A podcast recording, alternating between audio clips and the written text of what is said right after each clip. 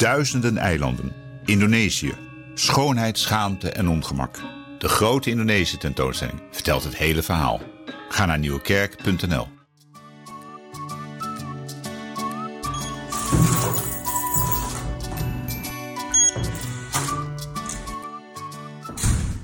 Wat een heerlijke dag in het nieuwe jaar in mijn rubberen regenjas. Ik heb besloten nooit meer over het weer te klagen. Wat heerlijk dat Nederland een moesson heeft. Een half jaar regen en een half jaar droogte. Nederland ligt in Afrika. Welkom in het prachtige jaar 2024 zijn wij ook weer hier met Van Dis Ongefilterd met Adriaan van Dis. En mijn naam is Simon Dikker-Hupkes. Adriaan, mag ik jou nog voor de vorm een gelukkig nieuwjaar wensen? Niet alleen voor de vorm. Ja, want ik heb het net al gedaan toen we elkaar voor de eerste keer zagen. In Frankrijk mag je tot 31 januari elkaar een gelukkig nieuwjaar toewensen. Wat een verschrikking. Nee, dat betekent dat je de hele tijd Ja. elkaar mag zoenen. En dat vinden de mensen daar grappig. Drie keer zelfs. Ja. Eh, dus ik weet niet hoe dat sinds corona is. Nou, dat kan ik je vertellen. Want ik was altijd groot fan van het zoenen. Maar de mensen reageren nu een beetje afhoudend. En nu vraag ik het ook maar daarbij van, mag ik je Nee, zoenen? ik blaas nu mijn zoenen over schouders heen. Ja. Nou, bij ons is het traditioneel tot drie koningen. Dan gaat de boom eruit en daarna zeggen we geen eh, gelukkig nieuwjaar meer.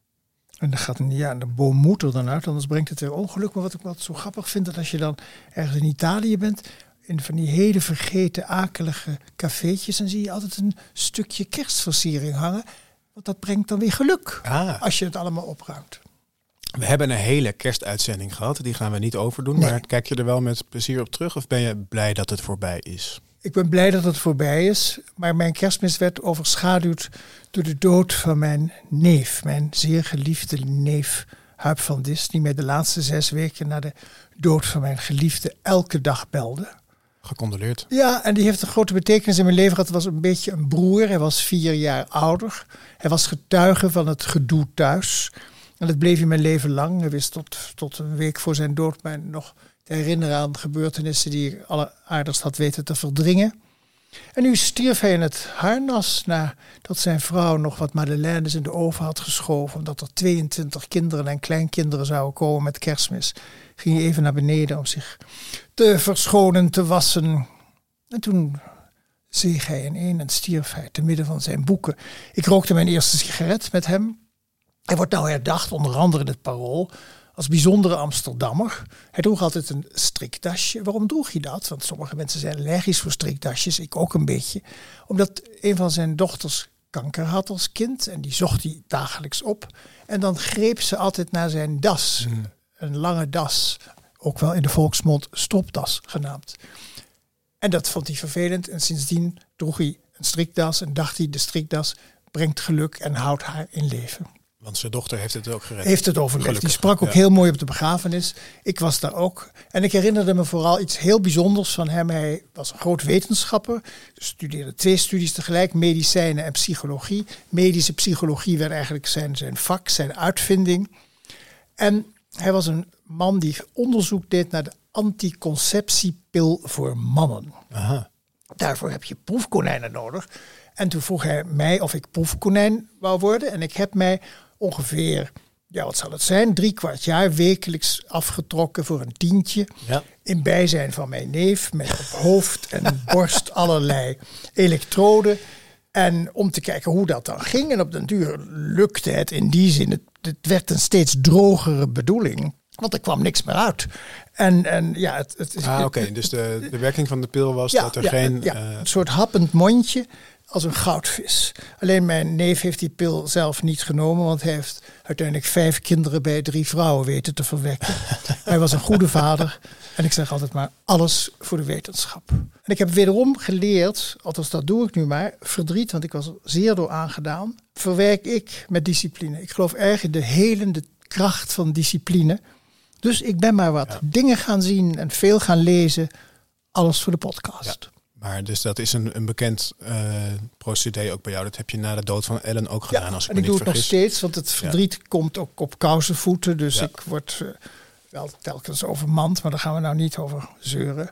Of zeuren. Ik- Dat, dat mag hou ik best, een beetje hoor. voor mezelf. Nee, dat, dat, dat respecteren we ook. Maar het is een mooi om te zien dat je dan dus naar je, je werk ja, en of in ieder geval bezig, bezig zijn, bezig blijven. Ja, en dan is- is er nog alles wat je ziet, blijkt dan toch weer eh, ja, haakjes te hebben met verleden, met herinneringen. Ja. Zo ben ik bijvoorbeeld naar een fantastische film geweest. Wacht even nog heel even Oh. over die, die pil. Die, die Ja. pil, de mannelijke anticonceptiepil. Het is nooit op de markt gebracht, nee, toch? Nee, Nee. nee, kijk, omdat dan vraagt de vrouw aan de man: heb je de pil ingenomen? En dan Ja. zegt hij ja, en dat moet je dan maar geloven. Ja, ja, ja.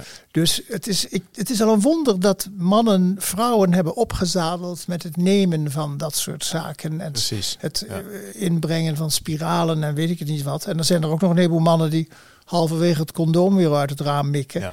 Het is een eh, lastige zaak. Lastige zaak. Maar de nieuwe generatie vrouwen die gaan er op een andere manier mee om. Die zegt, nou, aan mijn eh, lijf geen polonaise. Ik wil niet meer hormoonhuishouding door de war.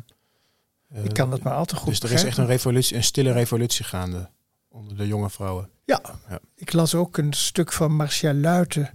Dat er een geweldige opkomst is van allerlei wonderlijke vibratoren. Met grappige vormen. En dat dat eh, veel, eh, hoe zullen we het zeggen, opluchting Opluchting geeft. Ja. geeft. Veel satisfaction. Eh, sorry, ja, seksualiteit is altijd interessant om heel even toch aan te stippen. Ja. Maar je had een geweldige film gezien. Ja, en die gaat in zekere zin ook over seksualiteit. Oh.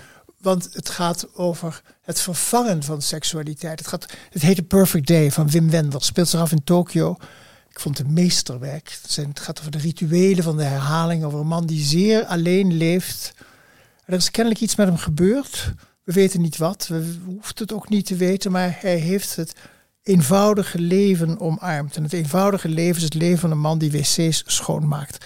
Echt een fantastische rol van de Japanse acteur Koji Yakusho, als ik dat een beetje behoorlijk uitspreek. Maar dat schoonmaken van die wc's, dat is bijna een liefdestaat. Hij omvaamt de pot met zijn gele doekje. Met een spiegeltje kijkt hij naar de onderkant. Met een tandenborstel doet hij de randjes. En, en elk spatje wordt, wordt, wordt weggepoetst. Elke dag zie je hem dat weer doen. Je ziet alle rituelen, het opvouwen van zijn dunne matrasjes, een futon, eh, alles op zijn plaats. Eh, het boekje dat hij de avond ervoor gelezen heeft, weer op een plekje in een doosje. S'morgens de dingetjes die klaar liggen voor de volgende dag. De sleutels, het horloge alleen op zondag. Naar buiten, koffie trekken uit een automaat, koude koffie. In zijn autootjes, een kleine bestelautootjes met alle bezempjes en poetsmiddelen langs alle wc's. En dat zie je elke keer weer. Het wordt een soort gedicht. Het is een ja, troost, troostende film. Dus je ziet een soort poëzie in die gewoontes en rituelen bijna Ja, misschien. Maar Ja. het, het wonderlijke is, ik moest natuurlijk ook heel erg denken aan de keren dat ik in Tokio was. En toen viel het me op. Ik ben een paar keer geweest, al zo uitleggen waarom. Hoe schoon het er allemaal is. Overal zag je wel meneertjes, lichtreclames, logschroeven en lekker met de jif en de glasseks. En alles glom en alles schoon. Toch wonderlijk dat in dat land, waar mijn familie zo'n lastige verhouding mee had, gezien de ervaring in de Japanse interneringskampen, onthoofde vader van mijn moeder, een vader die in de waanzin gleed, dat ze zo poetserig zijn en dat ze zo van orde en tucht houden. Alles wordt, de natuur wordt geknipt. Het bonsaiboompje is daar een bewijs van, maar alles is onderhouden en beeldschoon. En ik weet niet wat de raadslachtige verhouding is tussen vreedheid en orde en tucht en het knippen van bonsaiboompjes, maar er moet iets zijn. Maar als kind had ik al een grote belangstelling voor Japan. Ik heb gecorrespondeerd met twee Japanse meisjes, waarvan ik de naam vond in de correspondentierubriek in het Algemeen Handelsblad destijds eh, van meneer Besselaar. En Japanse meisjes in Nederland? in, nee, die woonden in Japan. In- in mijn beste Ja. schoolengels schreef ik een briefje. Oh. Hello, my name is Adrian. Maar durfde je dat wel aan, de- aan je vader te Nee, vertellen? dat was het. Die was was, die was gelukkig al dood. Oh, die was al dood. Maar die enveloppen kwamen binnen met die prachtige kersenbloesem postzegels. En het werd volkomen genegeerd. Het viel op de mat, maar het werd mentaal onder de mat geschoven. En ik zat dus allerlei moeilijke woordjes op te zoeken in het Engels. En ik schreef haar. En wat en- schreef jij in die brieven? Nou, ik vertelde dat eh, wij, eh, wat eten jullie, vroeg ik haar. Ja. Oh, dat vroeg zij mij. Toen zei ik, wij eten rijst, want onze familie is in Indonesië geweest.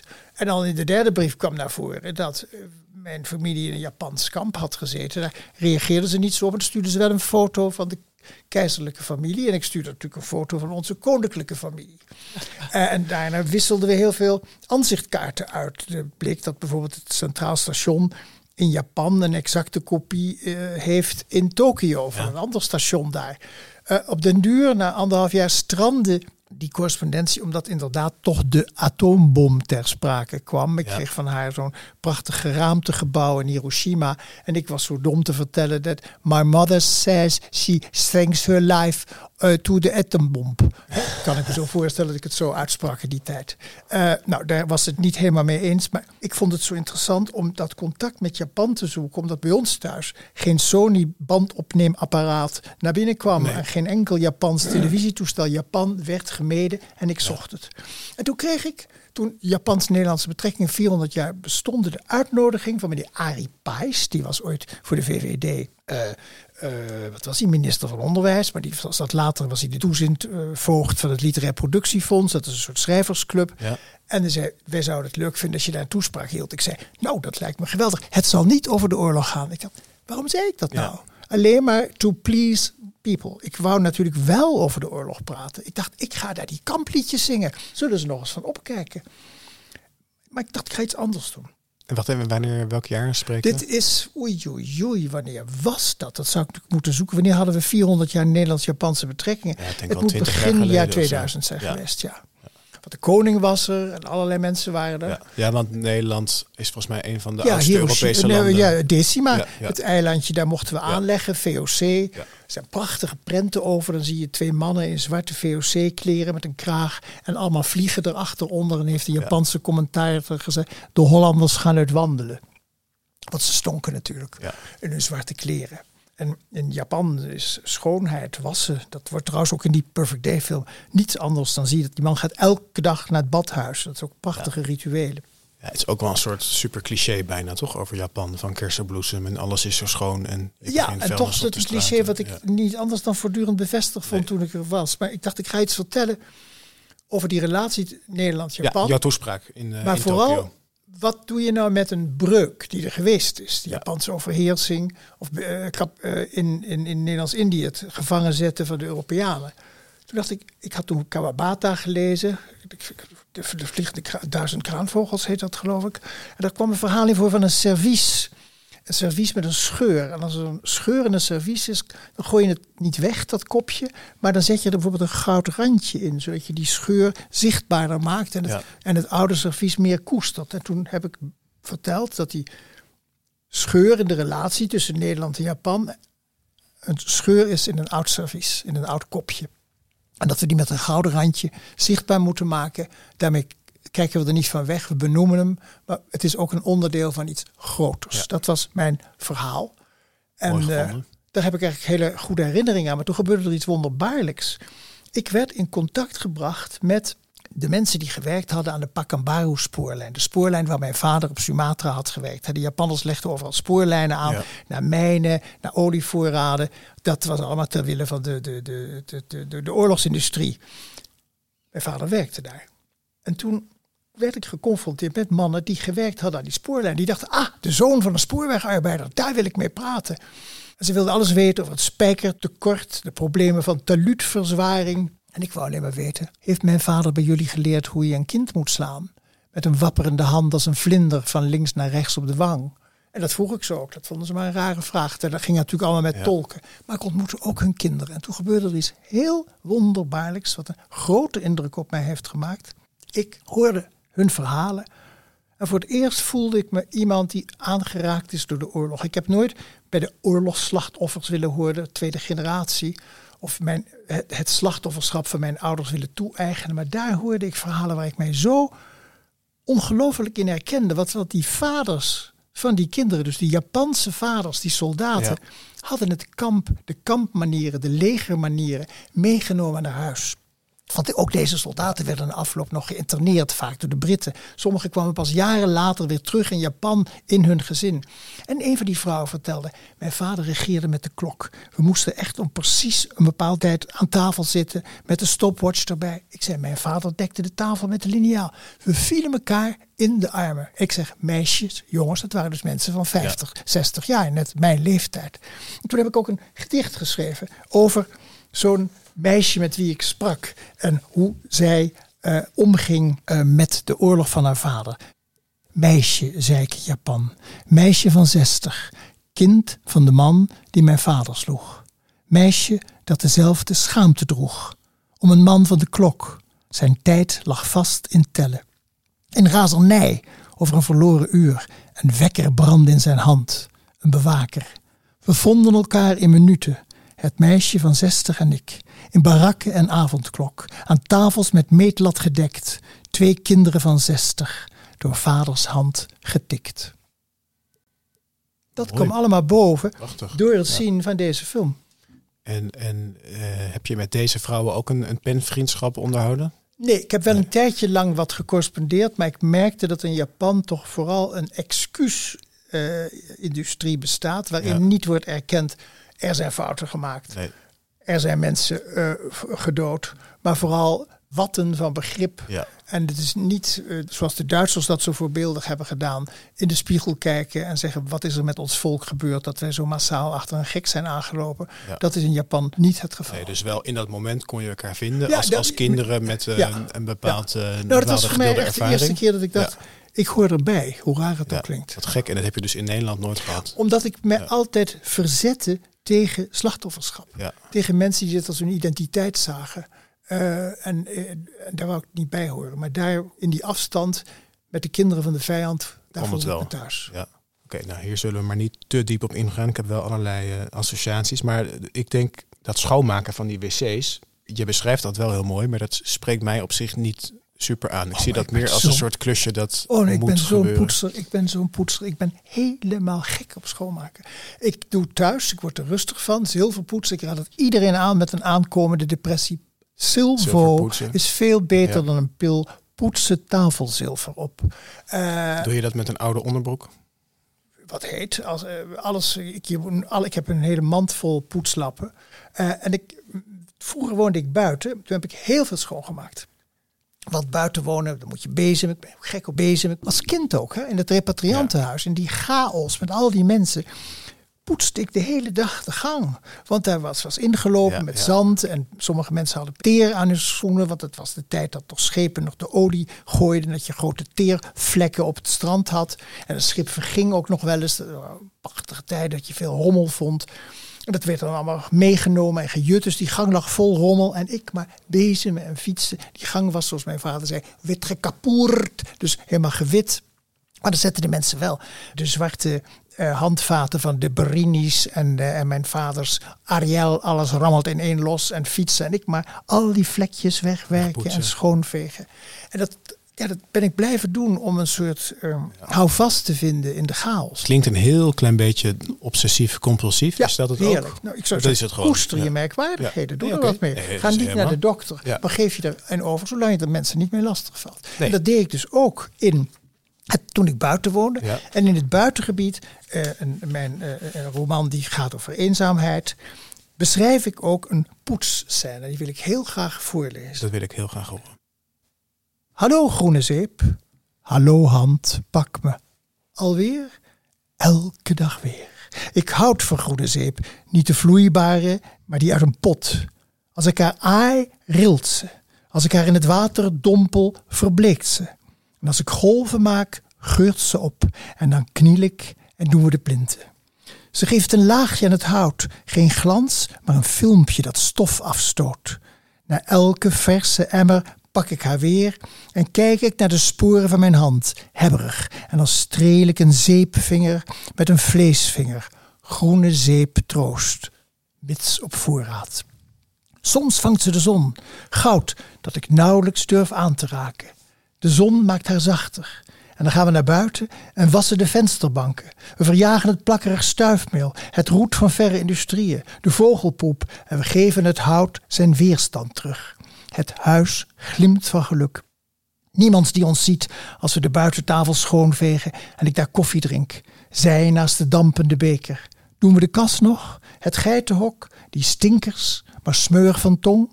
O geest uit een potje, zeep vol herinnering. Hoeveel gangen hebben we niet gedwijld, jij en ik. Hoeveel olie en zand en teer onder de Solex en motoren verjaagd. En krassen, de woede van een sergeant. Je was er, goede zeep. Nergens sta je op de foto, alsof je er niet toe deed. Wij weten wel beter. We hebben eindelijk het rijk voor ons alleen. Nee, ik spoel je niet af vandaag. Ik laat je onder mijn nagels zitten. Je reist met me mee. Zo nu en dan snuif ik je op. Een randje liefde. En morgen weer krachtiger.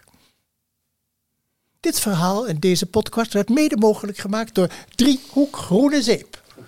Geweldig. Heus, dat zou toch prachtig zijn. We willen de hele tijd maar reclame maken, willen er Ja. iets aan verdienen. Nou, en die mensen van eh, de Driehoek Groene Driehoek, Zeep, die komen maar niet over de brug. Als jullie luisteren, stuur even een mailtje naar van atlascontact.nl. IBAN NL64ABNA2. Oh, Geweldig. Maar en, eh, want ik heb toevallig eh, in mijn hoedanigheid als redacteur van deze uitgeverij een boekje gemaakt over poetsen. Het groene poetsboekje. van Diet. Van Diet Groothuis. Ja, geweldig Eh, boek. En die zegt inderdaad, je hebt eigenlijk maar drie dingen nodig om schoon te groene maken. zeep. En soda. en soda. En jij bent dan een man van de groene zeep. Ik sla helemaal aan op die soda. Want dat is namelijk Soda doe ik ook met heel doet zijn eigen mee. werk. Je zet het neer en de volgende ochtend kom je terug. En je mixt zit het ook gewoon in je afwasmachine. Je hebt niks anders nodig. Ja. En eh, met azijn vermengd maak je je suède schoenen schoon. Ja. Als er vlekjes op zitten. Ja. Eh, überhaupt is azijn een geweldig schoonmaakmiddel. En ook nog, nog een kleine tip voor mensen met kalknagels. Voor de mensen boven de 50 onder ons. Elke morgen na het douchen even wat schoonmaakazijn over de tenen. en de kalknagel verdwijnt binnen een Oh. half jaar. IBAN, ABN AMRO, NL6. Voetenbadje met soda kan ook heel goed Ja. tegen de zweetvoeten. Is- Ja. Maar je begrijpt dus waarom ik die film Perfect Day zo geweldig vond. Want dat schoonmaken had bij mij een- Het sprak bij jou iets aan. sprak mij bijzonder Ja. aan. Ja, Maar deze meneer, wat, wat, wat poetste hij weg? Ja waar, waren zij eh, voor op de je zou kunnen, Ja. er moet iets, en het wordt ook wel vaag aangegeven, gebeurd zijn. Ja. Ooit in zijn jeugd, in zijn familie. Want er is een zus, die is heel rijk en die heeft een auto met een chauffeur. En die komt heel even langs. Maar het mooie is dat het niet wordt uitgelegd. Ja. En dat het aan ons kijkers is om te bevroeden, te vermoeden. Maar je kunt ook zeggen, kijk, deze man heeft besloten een overzichtelijk leven te leiden. Een gelofte van armoede af te leggen. En in dat kleine kan hij zich handhaven. En misschien is dat soms een oplossing. Ehm, nou hebben we normaal ook het gedicht, maar dat heb jij denk ik, Ik al heb nu voorgelezen. eh, een ja. gedicht van eigen huis. ja, uit eigen werk. Scheelt weer. Ja. Ehm, Adriaan, Ja. we hebben ook luisteraars. Daarvoor maken we deze podcast. En eh, zoals je weet hebben we ook luisteraarsvragen. Ja. Ik heb hier Ruud. En die, die vond ik wel leuk eigenlijk, deze vraag. Ik ben wel heel benieuwd naar jouw antwoord. Mijn oprechte excuses dat ik nog geen enkel boek van jou heb gelezen. Terwijl ik wel degelijk een fan ben. Vond ik al heel interessant. Eh, daarom mijn vraag. Welk boek zou jij van jezelf het eerste lezen? Of laat ik de vraag een beetje herformuleren. Wat is nou een, een mooi boek als introductie tot jouw rijke oeuvre? Ja, dan moet je misschien beginnen met vijf vrolijke verhalen. Die niet zo vrolijk zijn. Want ze zijn bitter vrolijk. Ja. Maar dan maak je alle mogelijke genres mee. Dat gaat over een man die gereisd heeft, die in Afrika geweest is. Het gaat over het oorlogsverleden en de pijn van mijn moeder. Verborgen in het verhaal over een oude mevrouw die gelooft in reïncarnatie. En die denkt dat alles wat ze in de Tweede Wereldoorlog heeft meegemaakt. eigenlijk ook plaats heeft gevonden in de 17e eeuw in het plaatsje Arras, de Rad van Arras. Eh, allerlei en over een vader die in een inrichting zit. En bezocht wordt door een jongetje. Dus daar zie je alle aspecten van mijn werk. Het autobiografische, maar ook het reisverhaal. De andere werelden die mij verrijkt hebben. Eh, dus dan heb je een algemene Ja. introductie. En dan welk verhaal jou aanspreekt, kan je vanaf daaruit verder springen Ja. naar, naar een van de andere boeken. Oké. Nou, En ik, kijk, dat is iets wat mij wel altijd raakt. Het heeft voordelen en het heeft nadelen. Ik, de, ik, dat, de televisie, het boekenprogramma, heeft me natuurlijk zichtbaar gemaakt. Maar het heeft me een lange tijd ook niet toegang gegeven tot de literatuur. Want ik Ja. weet nog dat ik in mijn tweede, derde jaar er scholen waren waar je mij niet mocht lezen. Want ik was van de televisie. ja, ja, ja. Het is heel het- opmerkelijk dat jonge schrijvers nu allemaal zichtbaar willen zijn. Niet Ja. alleen eh, willen ze in elk filmpje meedoen of zitten ze in de slimste mensen. Maar vroeger was dat een taboe. Ik weet nog, toen wij met dat boekenprogramma begonnen, dat er een groot verzet was bij de dagbladen. Wat doet deze man? Hij komt aan iets wat van ons is. Ja, wij ja. zijn van het cultureel supplement. Wij zijn van het boek en de diepgang. En dan komt er plotseling een flapdrol die ook nog eens een keer bekakt praat en die houdt een boekje op. Die zelf denkt dat hij kan schrijven ook nog. Ja, Ja, maar ach, het is een kwestie. ehm, eh, zet het door, ja. eh, ontwikkel een dikke huid en trek je plan. Dit is ook nog een, een meteen een mooi advies voor het nieuwe jaar. Voor de Gratis en voor luisteraars. Ja, dankjewel. En Ruud, IBAN, NL, 6, wat? eh, ik wou zeggen tegen Ruud, die heeft de vraag gesteld. Eh, eh, laat even weten wat je vindt van eh, vijf vrolijke verhalen. Wij zijn heel benieuwd.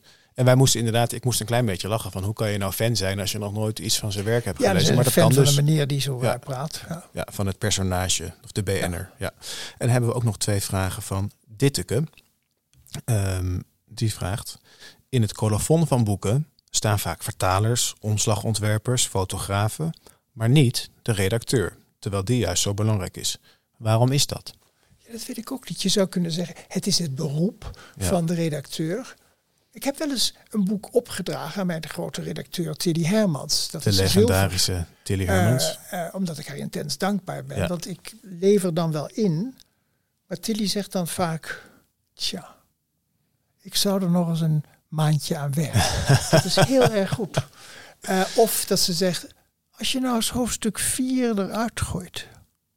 En begint met hoofdstuk 20. Ja. Zoiets. En dan ga je verschuiven. Ik ben daar heel dankbaar voor. Want op een gegeven moment ben je zo in je verhaal dat je ook niet meer met afstand ernaar kan kijken. Nee. En ik ben erg voor die kritische blik. Het is niet zo dat een redacteur zich bemoeit met je verhaal en het gaat herschrijven. Er zijn ook allerlei voorbeelden van in Amerika Ja. van een redacteur die elk bijvoeglijk naamwoord wegstreept en dan krijg je een schrijver die kaal schrijft, terwijl hij in werkelijkheid zich verdringt bloemrijk in de bijvoeglijke Ja, ja, ja. naamwoorden. Nee, het gaat bij mij. Ik ben iemand die best wel eens een zetje kan krijgen waar het de structuur betreft. Dus ik ben er heel dankbaar voor. Tegelijkertijd is dat. eh, ja, er zijn schrijvers die wisselen van redacteur. En dan, ik ben een heleboel mensen op de uitgeverij intens dankbaar. We hebben hier een geweldig iemand, Ronald Kersma, die kan heel goed niet alleen teksten klaarmaken, maar die heeft het contact met de mensen die, die, de- die vormgeven. Ronald Die kan- Kersema, de bureauredacteur. bureauredacteur, contact. maar- Ja. En van een grote En zo kan ik heel veel mensen opnoemen. Dat zijn de pijlers van de uitgeverij. We kennen allemaal de grote namen, de uitgevers zelf. Maar die pijlers, ja, daarom ben ik bij deze uitgeverij. Mooi om te horen. Dus ja, dit, dit, ik kan deze vraag ook wel iets aan toevoegen. Ik ben namelijk redacteur, maar meer van de non-fictieboeken. Dat is ook ons lot als redacteur. Je werkt achter de schermen in de coulissen. Dus dat is ook niet het gebruik dat je wordt genoemd in het colofon. Maar is het ook niet mooi, hoe raar het ook klinkt, om een dienende rol te Ja, hebben? maar dat is het. Ja, En in, van dat dienen kan je dus een feest maken. ja het is een beetje perfect days. Zeg maar. Daar kunnen wij van genieten. Ja. Ja. Dan, zeg- dan zou je dus moeten vragen. En Adriaan, in hoeverre heb jij dan een dienende rol? Ja, er is natuurlijk een sterke manifestatiedrang. Als jongetje aan tafel waar niemand naar je luistert, wil je heel graag dat de mensen naar je luisteren. Dus Ja. ik wou in een toneel. En toch op een andere manier, in de stilte, ken ik wel degelijk een dienende rol. ja. Maar als ik dat dan wanneer? op de trommel ga slaan, dan is het ook weer zo flauw. Ja, maar het, ook veel schrijvers houden er niet zo van. Zeg maar het gedeelte van je boek aan de man brengen. Eh, ja, Ja, het is aan de man brengen. Maar ik ben, ik ben ook, een- in mij zit ook, dat moeten we van de Van Dissen kant zijn we veel dominees in zitten. Ik ben ook een beetje de prediker. Ja. Ik vind het heerlijk daar om iets te vertellen. Dat ben je absoluut. Eh Ditteke, ik hoop dat we deze vraag zo beantwoord hebben. Eh, met een beetje mazzel staat de redacteur soms wel genoemd in het dankwoord. Maar dat is dus niet verplicht. En dan nog de andere vraag van Ditteke. Hoe ziet jouw leesleven eruit? Mooi woord, leesleven. Wanneer lees je? Ik probeer elke dag te lezen tussen drie en vijf. Ik heb een speciale leesstoel. Oh, smiddags. Ja, het is ook een soort discipline, want ik ben een Ja. langzame lezer. En ik ben altijd verbaasd. Mensen die een boek in de middag of een avond Ja. uit hebben. Ik doe over alles heel lang. Maar ik maak afspraken, ik vouw het open en ik denk, nou, dat is 450 bladzijden. 30 bladzijden per uur op zijn hoogst. Ja. Nou, reken maar uit. Dus dan doe je, heb je er 60 op één dag misschien.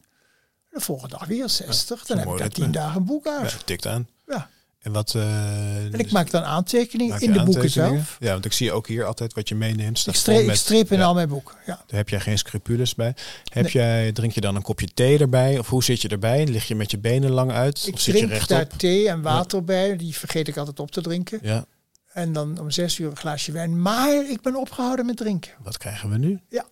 En ik hoop voor een hele lange tijd. Oké, gefeliciteerd. Nou ja, die drankjes verbindt mij erg aan mijn geliefde. Want om zes uur dronken wij altijd een glaasje. Borrelen was onze hobby. Ja, glaasje wijn, glaasje martini. glaasje wijn, Ja. ja.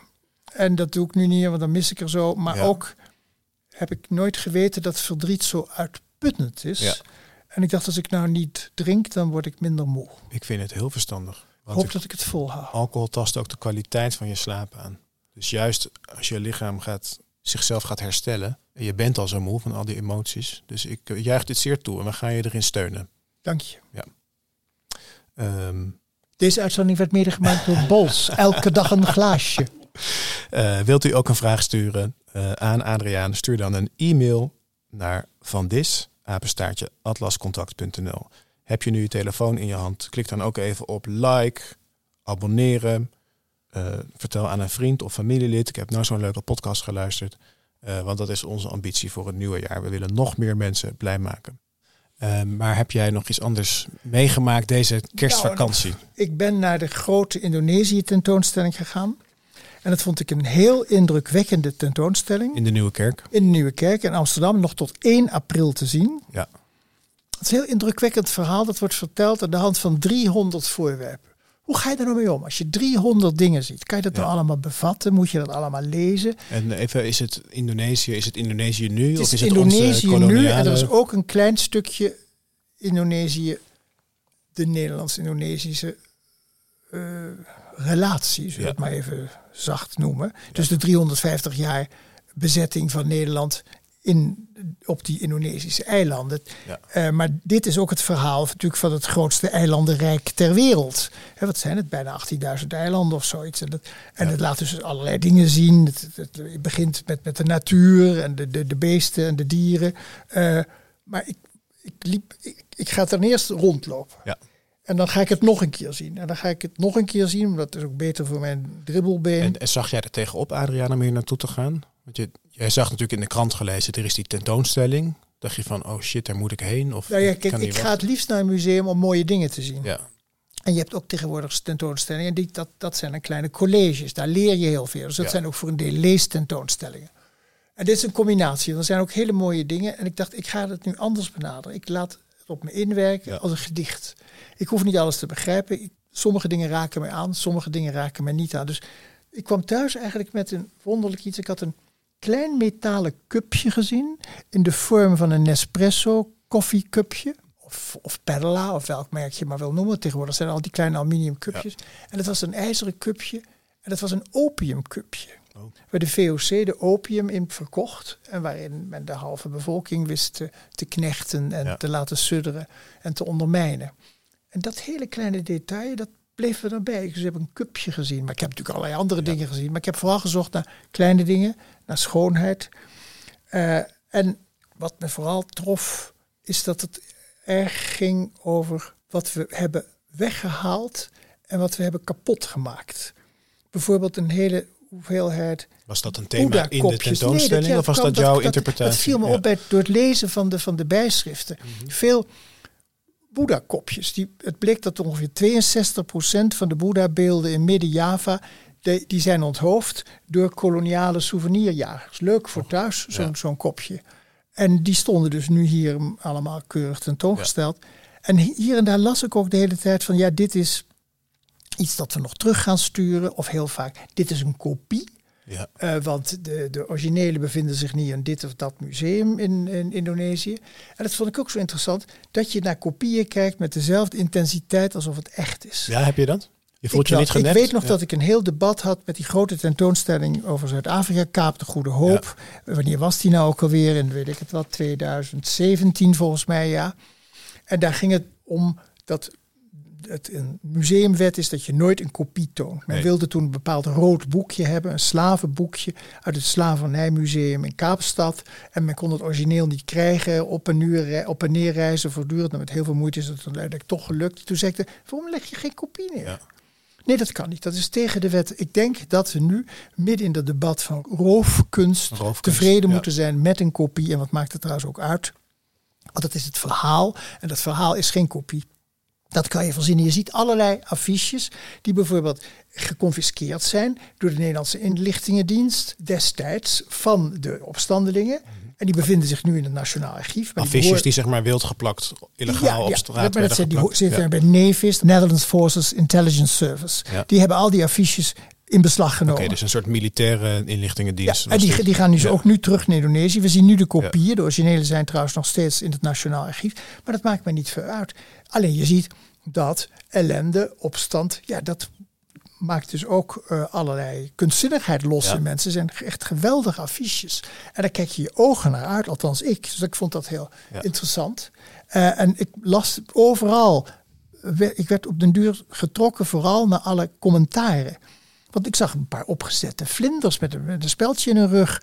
En het blijkt dat die kwamen uit boven Digul. Dat is een gevangenkamp in de binnenlanden van Nieuw-Guinea.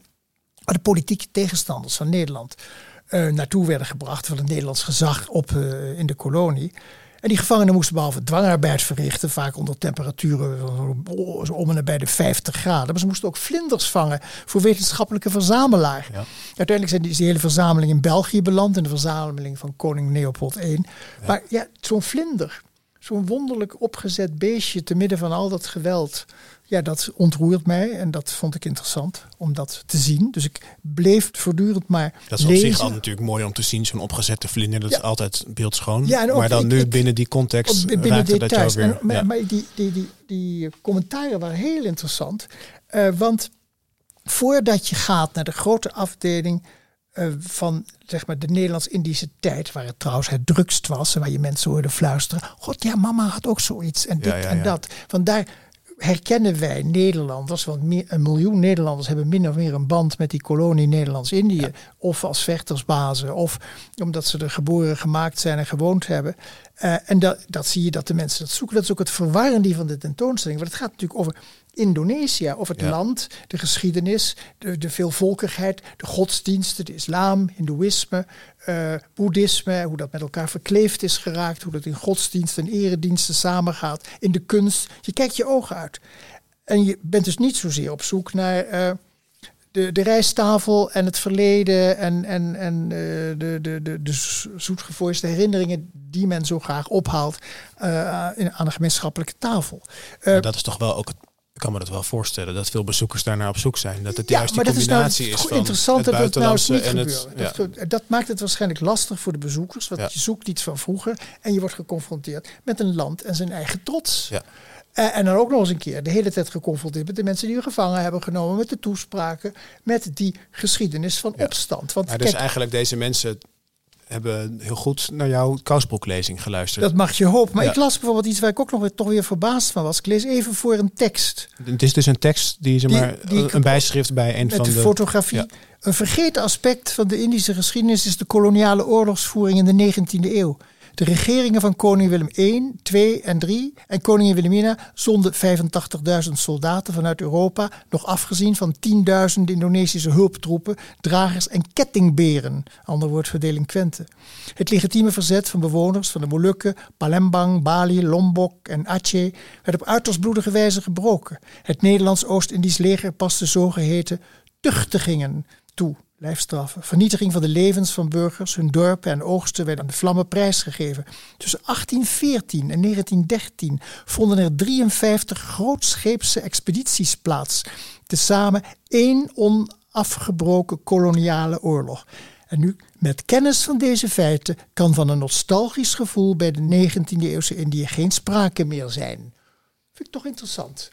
Een tekst trouwens van Tom Hofman, maar die zie je daar staan. Dan kijk je toch anders. En dan stap je ook anders in die geschiedenis van je ouders. En dan denk je, wat hebben mijn ouders daar eigenlijk gezocht? Maar vind je dit een goede tekst? Want ik vind hem ook wel wat bevoogdend. Of een, uh, dat je iemand gaat vertellen hoe hij zich moet voelen terwijl hij daar rondloopt. Je ziet veel schoonheid en nu dan word je eventjes bij je lurven gepakt. Het is, je kunt er kritiek op hebben. Je kunt zeggen, het is soms een college. Maar het is een leer, kijk en ervaring. En het is, valt niet zo goed te praten. Laten we ons er maar mee confronteren. Nee, het zou natuurlijk andersom zou nog erger zijn. Het ja, tentoonstelling die alles uh, romantiseert. Mijn ouders staan uit ja. gezocht. Want mijn vader bijvoorbeeld, die dwong mij min of meer uh, naar de fotoalbums te kijken. Die hij uiteindelijk van zijn, zijn zusjes en van de familie die in Australië was uh, gegaan, had gekregen. En daar zat ik dan als jongetje. Moest ik kijken naar die foto's daar schreef ik ook ooit een stukje over. Mijn vader, die ik dan graag meneer Java noem. Meneer Java slaat zijn fotoalbum open. Het is maar een paar centimeter dik en toch kan hij er helemaal in verdwijnen. In de wijdse valleien, plantentuinen, brede rivieren, vulkaankraters. In de oorlog hij al zijn foto's kwijtgeraakt. Later hebben zusters en verre tantes het verlies weer goed gemaakt en hem van alles uit hun eigen albums opgestuurd. En nu kan hij zijn jongen laten zien hoe rubber groeit en koffie en thee. En hoe de inlanders fuiken zetten. Nee, hij heeft geen heimwee. Heimwee is zwakte. Hij wil uitleggen. De jongen moet er wat van opsteken. Kijken is leren. Hij spelt namen uit flora en fauna. Hoe exotischer, hoe beter. Hij tekent vruchten, zaden, vreemde vinnen, wonderlijke snavels. De jongen zou het allemaal willen onthouden, maar hij draait de woorden om. Haspelt lettergrepen door elkaar en als er iets blijft hangen, legt hij de klemtoon verkeerd en lacht de hele familie hem uit. Hij kijkt dus stil en volgt gele wijsvinger van zijn gids. Wel voelt hij een bloedzuiger op zijn been als meneer Java vertelt hoe hij vroeger door de mangrovenbossen moest waden. En hoort hij werkelijk de golfslag onder de bodem van een vlerkbrouw. En ziet hij al die deftig aangeklede mensen verzameld op kades en perrons of op bezoek bij de gouverneur, dan is hij blij dat hij hun witte schoenen niet hoeft te poetsen. Al bladerend vergeet meneer Java zijn aanschouwelijk onderwijs, zo noemt hij het, om telkens weer met zijn jongen het album op te kunnen pakken. Zijn vinger staat steeds langer bij de mensen stil. Niet bij zichzelf, hoe hij er overal op staat in zijn witte pak, rijbroek of uniform. Hij groet de mannen op de foto's, bijna allemaal dood. Dat was het. En daarbij ben ik opgevoed. Dus die tentoonstelling was voor mij ook een wandeling door het fotoalbum van mijn ouders. Wat wilde jouw vader daarmee bereiken, denk je? Dat hij het jou wilde laten zien? Ja, kijk, ik denk dat kinderen van migranten aan de ene kant thuis worden geconfronteerd en opgevoed in de wereld van hun ouders en voorouders. Ja. En tegelijkertijd een toekomst op hun schouders krijgen.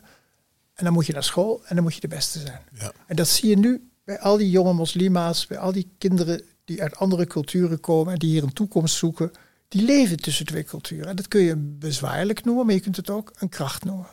Want het maakt je sterk omdat je twee culturen met je meedraagt. En had jij, zeg maar, die mensen die elkaar aanstoten, toch een beetje dat tempo dulu gevoel hadden. Heb jij dat dan ook nog een heel klein beetje? Als je dan iets herkent van zo'n foto uit je... Ja, ik kijk er toch heel anders naar dan vroeger. Natuurlijk heb ik het al, zeker met smaken. Ik ja. niet voor niets bij een sambal op de kaas en kaas met jam. En in die zin ben ik nog een beetje de Indische jongen van dat huis van vroeger in mijn smaak. Maar ik ben toch anders gaan kijken door meer te gaan lezen. Uh, maar ik, heb, ik, heb, ik ken die sentimentaliteit wel degelijk. En daar, daar kom je ook wel aan je trekken. Maar je moet ook wel weten, wat is het hele verhaal? Hoe zijn we daar neergestreken? En wat was er al ontzettend veel? En wat was er al een grote cultuur en een rijkdom? Veel meer dan dat toen wij hier nog bij wijze van spreken als kaninevaten in, uh, eh, tussen de, de, de waterplassen van, de, van, van Holland liepen, was daar al een geschreven cultuur. Dat zie je ook nog. Al die handschriften op lontorbladen, die vele talen die gesproken werden. Het enige waar het misschien al ontbrak, was een eerlijke verdeling van de rijkdom en de kennis. Dus, maar dat werd natuurlijk niet, werd ook geïmplanteerd toen de Nederlanders daar kwamen. Integendeel, men zocht contact met de lokale adel om samen de bevolking nog verder te onderdrukken. Lees Max Havelaar. Ja, ja. En met, met, met Japan, Nederland had je dat mooie verhaal van die, die gouden, gouden lijm voor de, de resten. Maar dat was maar 400 jaar en een, een kleine periode. Als je dan naar Indonesië en Nederland kijkt, zijn dat zeg maar zijn zoveel barsten? Valt dat nog aan elkaar te lijmen met goud? Of is dat Ik denk dat er wel weer een nieuw verhaal komt. Maar ook aan Indonesië zelf is het natuurlijk om die kilometers archief te gaan doorgronden. Daar is men nog niet zo in geïnteresseerd. Eh, veel meer geïnteresseerd in 1965. Nadat ja. men afrekende met Sukarno en Suharto kwam en alles wat links was en socialistisch was afgemaakt is. Honderdduizenden, misschien wel meer dan een miljoen. Uh, dat land moet eerst zijn eigen geschiedenis gaan onderzoeken en dan misschien uiteindelijk een plaats gaan geven aan die tijd van die Nederlandse aanwezigheid. Dat, is, dat gaat niet in, in twee of drie generaties. Nee. Maar het is uh, zaak dat we in ieder geval wel met elkaar dit nu gezamenlijk gaan doen. Die, we hebben nu die, die, die, dat, dat onderzoek van het NIOD en van al die andere ja. uh, eh, KLTV-organisaties, waarin we gaan onderzoeken wat er gebeurd is. En de, we staan nog maar aan het begin. Nee, maar dat is eigenlijk ook mijn, mijn tweede vraag. Van wij zijn er heel erg mee bezig, maar vinden ze dat in Indonesië ook interessant? Jonge mensen steeds meer. Maar eh, vroeger was het, toen ik er was, uh, was men er niet zo mee bezig. Behalve als je doorvroeg. Want de mensen zeggen wel eens, ja, wij kijken vooruit. Ja. Of wij kijken terug, de Indonesiërs kijken vooruit. Het hangt er ook een beetje vanaf hoe je het vraagt. Maar het is, ik was op een literair festival in Bali. En toen viel het me op dat nou, bij de helft van de verhalen die gebundeld werden, was de kwaaie pier een Hollander. Ja. Zoals wij in onze verhalen, zeker tot de jaren 80, 90, lees Moelisch, lees eh, Reven, Wolkers, de Rotmof. Ja. is veel te show. Lekker makkelijk. Ja. Oké. Eh, geweldig. Indonesië tentoonstelling in de Nieuwe Kerk. Je kan er dus nog tot 1 april eh, naartoe. Ja. Ik ga er zeker heen. Ik ben nog niet, niet geweest. En voor vandaag eh, zit het er alweer op. Adriaan, Dank voor jullie aandacht. jij zei nog, ik ga niet meer over het weer beginnen. Maar ik heb net gezien dat er een enorm koufront aankomt vanuit Scandinavië naar beneden. En vanaf dit weekend, als deze uitzending live gaat, zou het wel eens kunnen gaan vriezen. Wat heerlijk, wat goed voor de insecten. Dan gaan ze dood. En niet dat insecten dood moeten gaan, maar luie muggen, die moeten niet overleven. Dat is slecht voor de soort. We hebben een sterke rasmuggen nodig. Ik wil jou danken, Adriaan.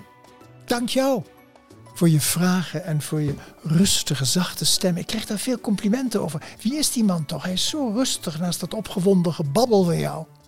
Het is een dienend beroep. Bedankt voor het luisteren. Alle boeken die genoemd worden zijn te bestellen op boekenwereld.com schuine streep van streepje dis. En die link vind je ook in de show notes. Van Dis Ongefilterd is een podcast van uitgeverij Atlas Contact. Presentatie Simon Dikker-Hupkes. Productie, redactie en montage Bartje Ronkiers, Ellen van Dalsem en Erik Brandsen. Tot over twee weken.